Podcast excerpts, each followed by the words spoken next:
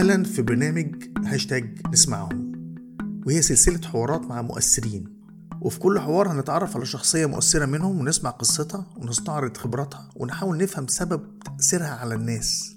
وطبعا والمهم هو آرائها عن الواقع اللي بنعيشه وتنبؤاتها للمستقبل.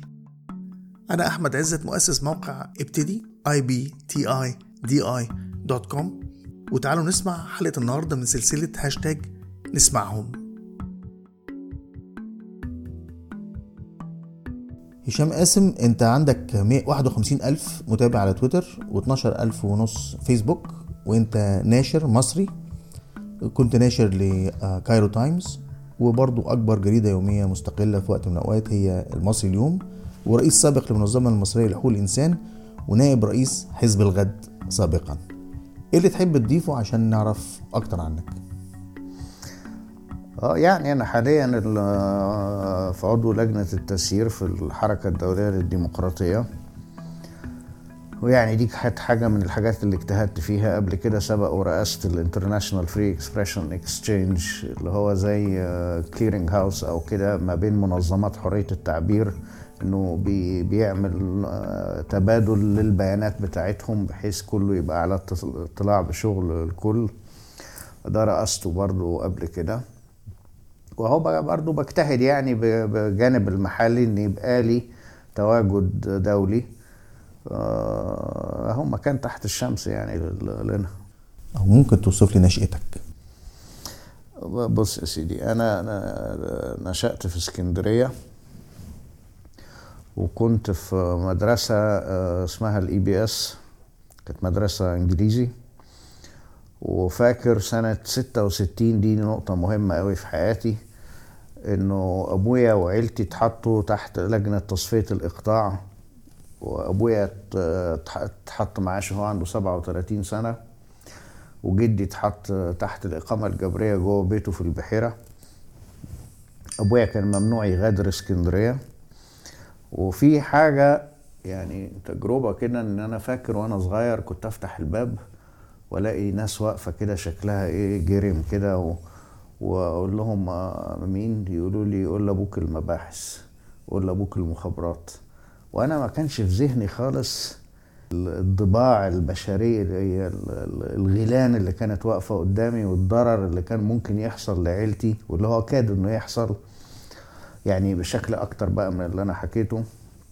في أكتر من مناسبة وكنت بقى ابتسامة كده وقابلهم كويس بشوش يعني وجري عنده على أبويا وأقول له المخابرات بره وكده و...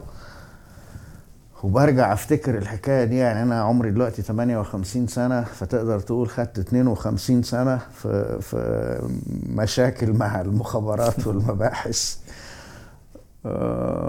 بس وفاكر أبويا بالعافية عرف يطلع من البلد كان محتاج تأشيرة خروج وقتها عشان كان باسبوره مختوم عليه حاح عين حراسات عامة. طلع بالعافية وطلعنا إحنا بعده بالعافية راح ليبيا. وقعدنا هناك لسنة 74 كان أبويا حلف إنه مش هيرجع مصر غير بعد ما عبد الناصر يعني يقص يبقى مش موجود في السلطة أيا كان بقى بالموت أو بالإقصاء أو وفعلا ما رجعناش في أول أجازة غير سنة 72 وكان القذافي ابتدى يتجنى هناك.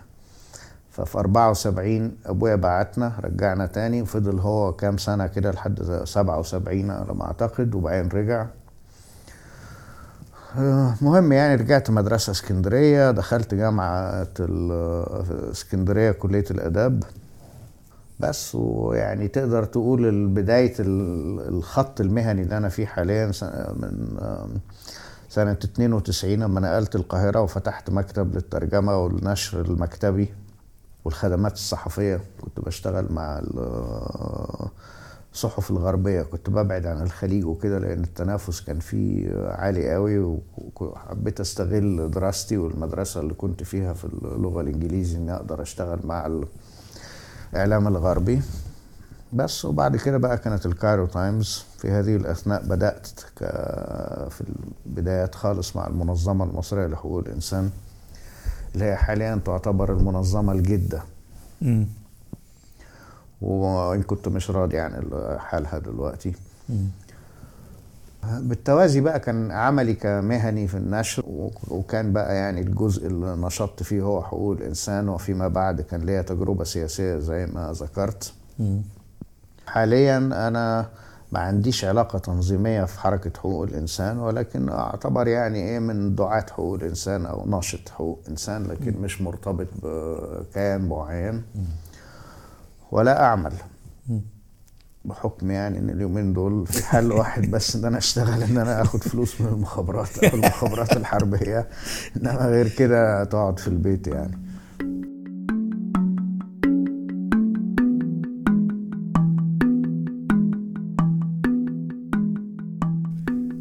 طب تعال نخش نغطي أكتر من ال- الخبرات النوعية بتاعتك. أنت اهتماماتك هي استقلال الصحافة؟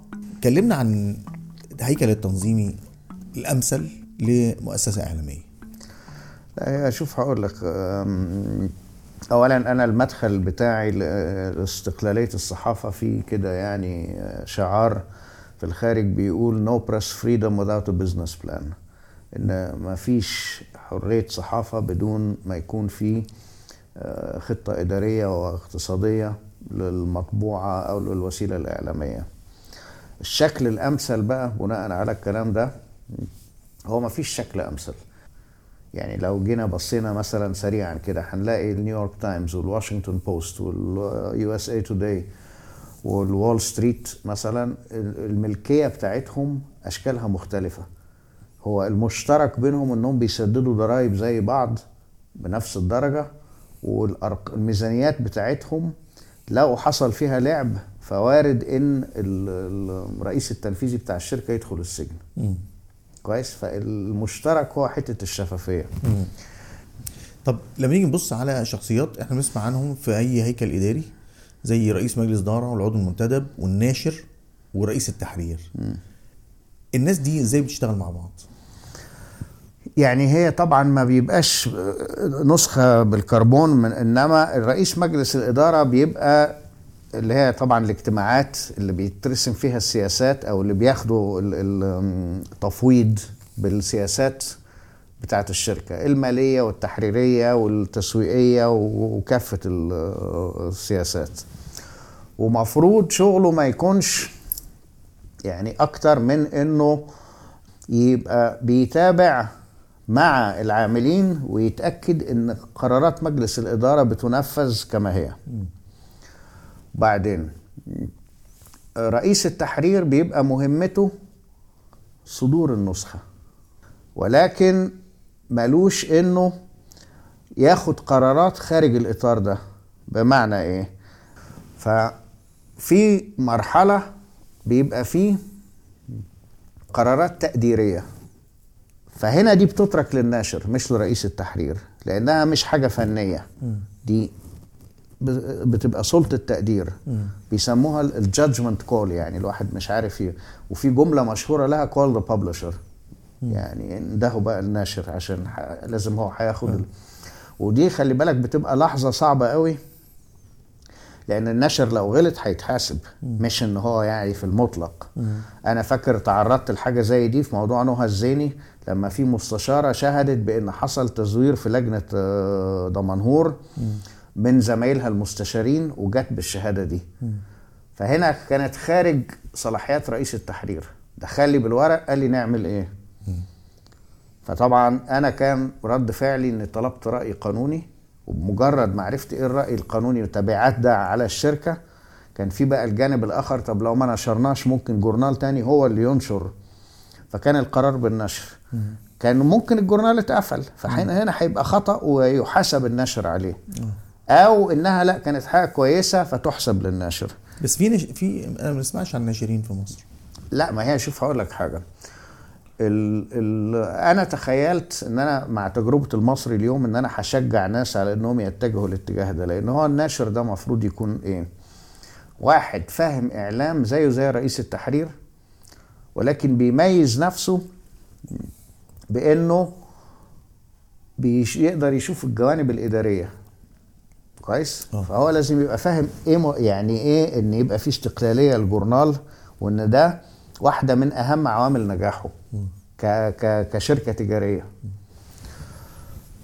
واللي استغربت له إن ما حدش اهتم رغم إن في حاجة شديدة للدور ده.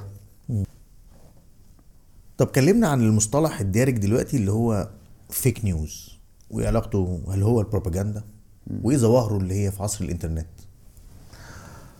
ال- ال- التواصل الرقمي أو ال connectivity زي ما بنقول عليها رفعت القدرة على إن يبقى في أخبار مزيفة أو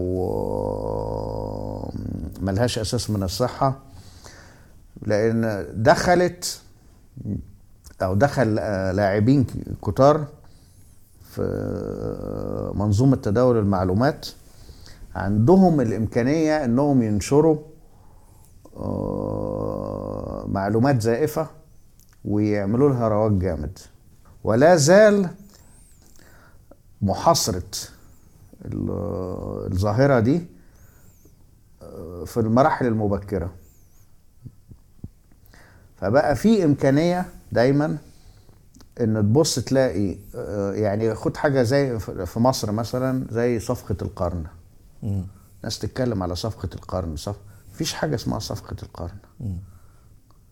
لا الإدارة الأمريكية عندها تصور للتعامل مع الوضع في الشرق الأوسط ولا الفريق حتى اللي بيحضره الرئيس ترامب عشان يبقى الفريق بتاعه في التعامل مع ال- الصراع العربي الإسرائيلي.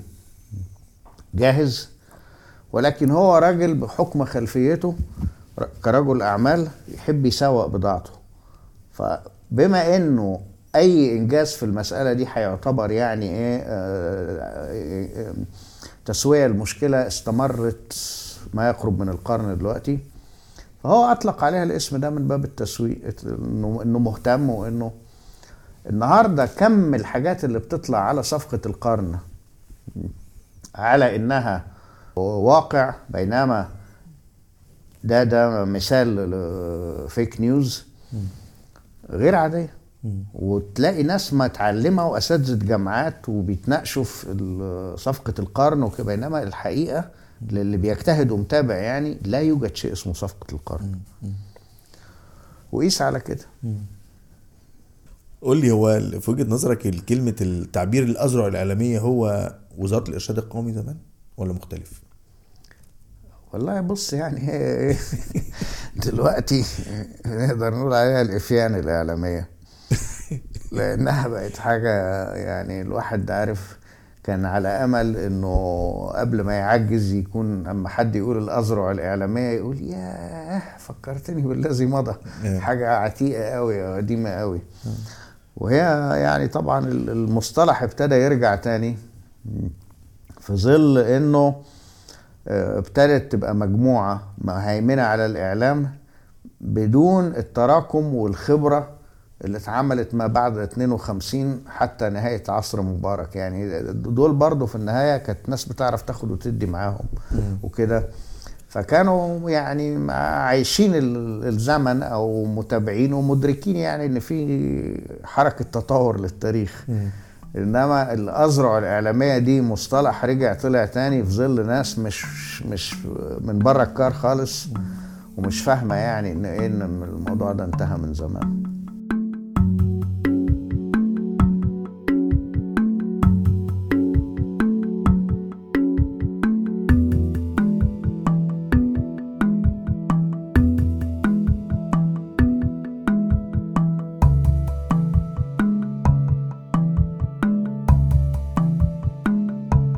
طب في موجات إعلامية يعني فاك- فاكر كان موجة ال blogosphere ال...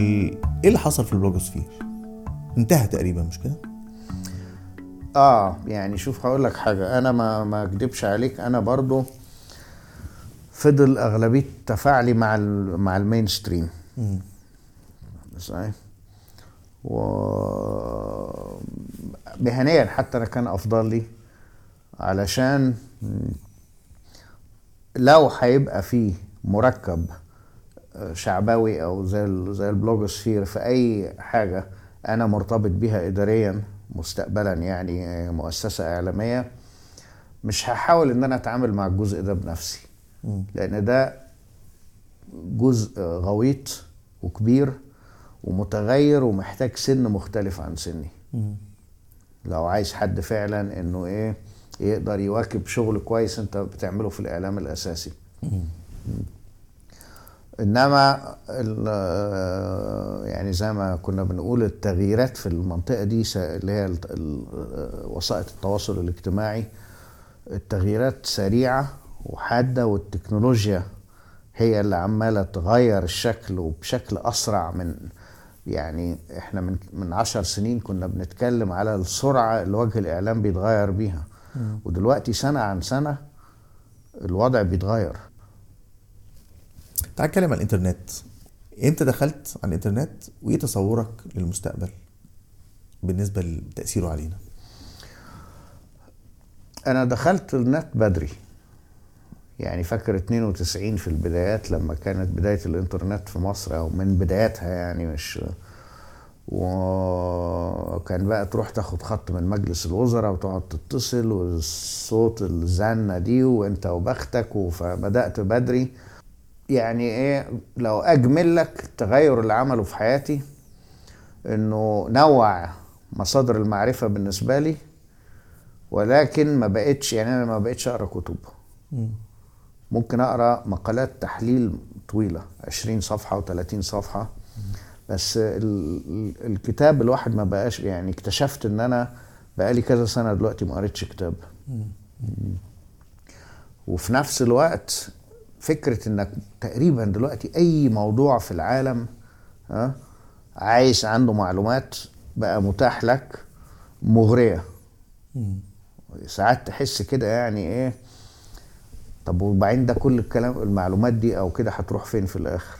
من من كتر ما بقت إيه في غزارة. طب قول لي إيه رأيك إيه تصورك للمستقبل بتاع الصحافة؟ المستقبل الصحافة هيرتبط بالتكنولوجيا وبالابتكار وال- والتطوير التكنولوجي ده هيبقى الأساس فيه. ده بلاقيه من آه، شركات كبيرة ودلوقتي حجم الاستثمارات اللي بيعملوها في التكنولوجيا. زمان كانوا بيستعينوا بشركات من الخارج وهي اللي تطور التكنولوجيا. دلوقتي في اتجاه قوي داخل شركات زي الواشنطن بوست مثلا بحكم إن جيف بيزوس الأساس بتاعه هو التكنولوجيا. آه. واستعان دلوقتي بناس في الطبيعي انهم ما يشتغلوش في شركات آه، صحافة يشتغلوا في شركات بتورد تكنولوجيا الصحافه عشان ما يسرقهمش الزمن يعني ويلاقوا نفسهم يتخلفوا عن ال- الابتكار هيبقى قائم على التكنولوجيا وقليل التكلفة. والناس عندها نهم أكتر للمعلومة وتحليلها؟ آه، آه، في المستقبل يعني؟ بالتأكيد آه آه. وهيربطوا حاجات في بعض؟ الكونفرجنس اللي كان بك... كنا بنتكلم عليه من 10 سنين هيخشوا بقى فيها آه يعني spontaneous shopping وانت بت... بتقرا مقاله آه دي تكاد تكون حاجة بتكتشفها يوم عن يوم. تبقى بتتفرج على حاجة على اللابتوب تبص تلاقي مرة واحدة ظهرت لك أيقونة بتاعتها على التليفون بتاعك تتيح لك بإنك ت- تقوم شاري و فدي تكاد تكون عملية حية كده التطور اللي حاصل يوم عن يوم.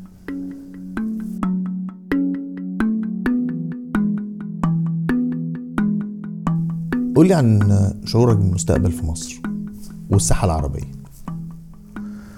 طيب لو سريعا نتكلم على الصحة العربية أنت بتتكلم في إنه كانت في أنظمة كان التقوقع على نفسها هو سبيلها للاستمرار. كل واحد مش مهتم باللي بيحدث خارج حدوده و... وقافل على نفسه وقادر إنه يبقى عنده نوع كده من الاكتفاء الذاتي السياسي الاقتصادي الاجتماعي. ده الوضع ما ده, ده, ده لم يعد الوضع. بأسباب إيه؟ أسباب إنه لازم تتداخل اقليميا للحفاظ على استقرارك داخليا. فإحنا بنلاقي ال- الإمارات بعت طيارات تشارك الطيران المصري في ضرب أهداف في ليبيا. مم. أو قطر بعت طيارات تشارك في المجهود ال- ال- اقصاء القذافي. وهكذا. اعتقادا بأنه خلاص ما تقدرش تدافع عن حدودك بالبقاء داخلها. بالظبط. وبعدين ال- ال- ال- ال- التحالفات اللي طالعة مش مبشرة وبل بالعكس مزعجة. إحنا شفنا رئيس وزراء بيتخطف وشفنا مرشح رئاسي مصري بيتخطف في دولة أخرى أو خارج دولته وبناته لا زالوا رهائن في الدولة دي وبيسلم للدولة. وبعدين الأنظمة دي كلها في تحالفات تكتيكية ما بينها وما بين بعض لكن ملهاش أي أساس عميق. والانقلاب على بعض ممكن يتم في يوم وليلة. فبالتالي الو- الوضع لا يعني ما بينذرش بالخير يعني إقليميا. وكل دولة من دول عندها مشاكلها.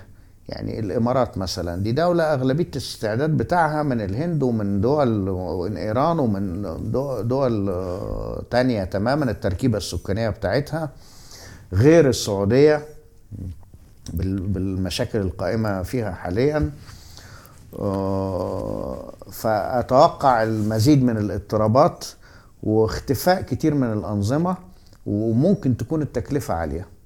خاصة في ظل خروج الولايات المتحدة من المنظومة الأمنية بتاعت المنطقة. وعدم قدرتهم على أي نوع من أنواع الريفورم الإصلاح.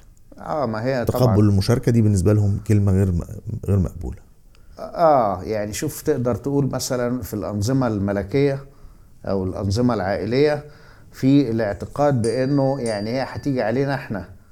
وال- والدور يقف مم. طب إحنا عايزين جيلنا كمان يكمل. مم. هتلاقي نفس الحكاية حصلت في مصر بعد ما انتهت دو- دولة يوليو في 52 لأ محاولة أخرى من العساكر مم. للاستمرار في الحكم. وإن كان حتى ولو كان من خلال مجموعة هواة يعني ده في انقطاع بينهم وما بين دولة يوليو. والعقل السياسي بتاع دولة يوليو انتهى تماما. ومسألة ال- ال- إزاي تسيطر على الدولة بالقوى العسكرية مم.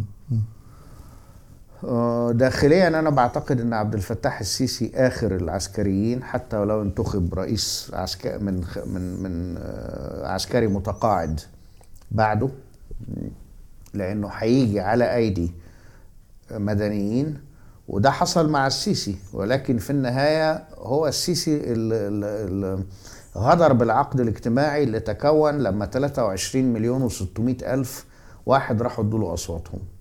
يعني دول مواطنين عاديين مش مرتبطين بأحزاب سياسية ولا اللي بيحبوا السياسة لكن راحوا وقفوا في الطوابير فده اختيار منه إن المستقبل يكون للصندوق وللديمقراطيه مم. كويس؟